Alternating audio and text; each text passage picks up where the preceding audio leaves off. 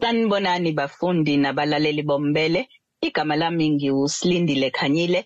Siyanamukela futhi engosini yethu lapho sidingida khona umthetho kungulwesibili umhla ka27 February ngo2024. Sekusele izinyanga ezintathu ngaphambi kokuthi iNingizimu Afrika iye okhethweni lukazwelonke nokuzobe kungolwesikhombisa selokhu kwaphatha uhulumeni wentando yabantu ngo1994. Enye yezinto ezingundaba mlonyeni selokhu izinhlangano zepolitiki ziqalile ukukhankasa inhlangano entsha iMK Party. Into enkulu eyenza le nhlangano ibe sematheni ukuthi ikhankaselwa nowayengumongameli wezwe umnumzane uJacob Zuma nokho-ke okungakacaci ukuthi ngubuso bakhe yini obuzofakwa emaphepheni okuvota. Ngenyanga edlule ikhomishini eyengamele ukhetho i-IEC yathi uZuma ngeke akwazi ukungenela ukhetho ngoba useke wagwetshwa futhi wadonsa isigwebo yize agcina ededelwe ngoshwele. Ukubheka lolu daba kabanzi ukhona ungoti wethu womthetho umnumzane uMpumelelo Zikalala wezikalala Attorneys. Mnumzane Zikalala siyakubingelela futhi siyakwamukela kumbele. Angikubingelele bese ngibela ababukeli nabalaleli bokumbele. Mnumzane Zikalala sicela ukuthi siqale la. Ubani ovumelekile ukungenela ukhetho? Eh wonke umuntu waseNingizimu Afrika usuke evumelekile bese kodwa umthetho noma constitution yethu bese ithi ay mangabe usanda kugwetshwa isikhathi singaphezulu kwa 12 months unyaka lolo u5 years ungakapheli since wagwetshwa noma isigaba sakho siphelile then awukwazi wena ukuthi uyohlala ku National Assembly. So okungenzeka umqondo sekutheni uzofika igama lakho libonakale lapho ku ballot paper kodwa mase kufanele uyoshaya lapho uyohlala lapha eshaya umthetho noma national assembly usakwazi ukuthi ungene ngoba umthetho uyakuvimbela ukuthi wenze le constitution.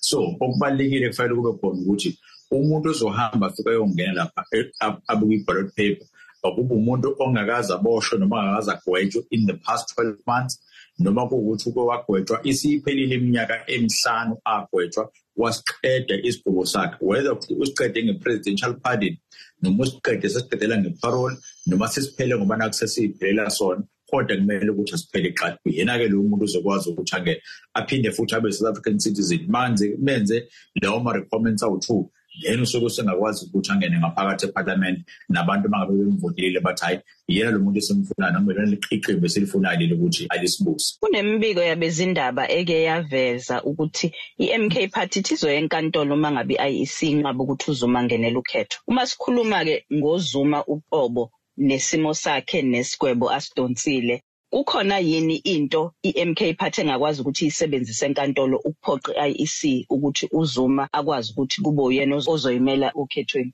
sekungaba nzima mangabe bezwe inkantolo bayelelo ngoba phela umthethosisekelo i think usection 47 ulula futhi uchaza kahle kamhlophe ukuthi uthini. Mhlawumbe engela abangeza ngayo nengingakholwa ukuthi inkantolo mhlawumbe ingavumelana nayo ukuthi uthi cha ngesikhathi sengena i-presidential pardon into eyenzeka seyehlisa isigwebo saba isigwebo esincane. So into eyenzeka into eyishoyo inkantolo yaba ngaphansi akubanga kube isigwebo lade sikhona kufananga njengomuntu ophume ngeparole. Kodwa bese kuba khona le mpikiswano ukuthi ngesikhathi ubhalwa lo mthetho kwakuthiwa uma kuthiwa umuntu uthola iparole ne-presidential pardon isigwebo sakhe sesiyehla yini na noma sisitika kulesi sigwebo esikhishwe inkantolo bese sibamba leyaso ngale ndlela usiso iyona kuphela-ke mhlawumbe into abangaya ngayo enkantolo bayophikisana ukubonakala ukuthi ubani wrong ubani right kodwa ngale ndlela okuyikona njengamanje ayi mancane amathuba ukuthi bangakwazi ukuthi bawine ngoba umthetho sisekelo uclear nje ubeka futhi ngokucacile. Kade futhi wabakhona lo mthetho sithi umthetho sisekelo wabakhona.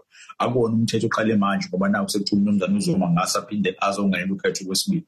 So umthetho ulula if kade uboshiwe wagwetshwa wagwetshwa more than 12 months awukwazi ukuthi ungenele ukhetho up until kuze kuphele u-5 years from ila wathola khona isigwebo sakho. Ngaphandle kokuthi umuntu uma ngabe suke waboshwa zikhona yini ezinye izimo umthetho noma umthetho sisekelo othi uma ngabe umuntu eke wabhekana nazo noma wadlula kuzona ezimvimbelayo nazo ukuthi akwazi ukuthi angenele ukhetho ziba khona. Eyokuqala ile sibiza ukuthi umuntu akayona South African citizen so akayena umthetho okuyimilela la eNingizimu Afrika. Eyesibili kuba abantu sibabiza ngama unrehabilitated insolvent so sobe sesithatha umuntu la okuwukuthi iy'mali zakhe akazange ukuyiphatha kahle kwaze kwaphuma isinqumo esivele enkantolo ukuthi hayi sicela kube khona umuntu enomjubayo la ozokwazi ukusiza umnumzane nomuntokazi ukuthi ukwazi ukukhokhela abantu abakweletayo and then bese ngesinye lode siwuchazile ekuqaleni lo ukuthi uma ngabe kwade ugwetshiwe une-criminal record ungapheli u-five years up until isigqubo sakho sosiqedile then awukwazi ukuthi ungenele ngaphakathi ukhetho.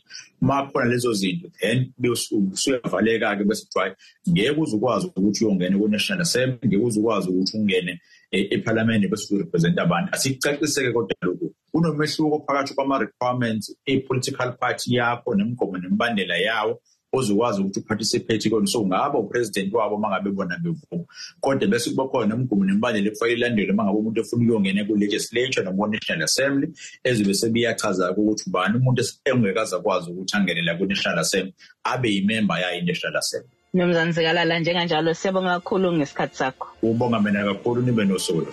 Lo bengumnumzane umpumelelo Zikalala wezikalala Attorneys. Siyabonga.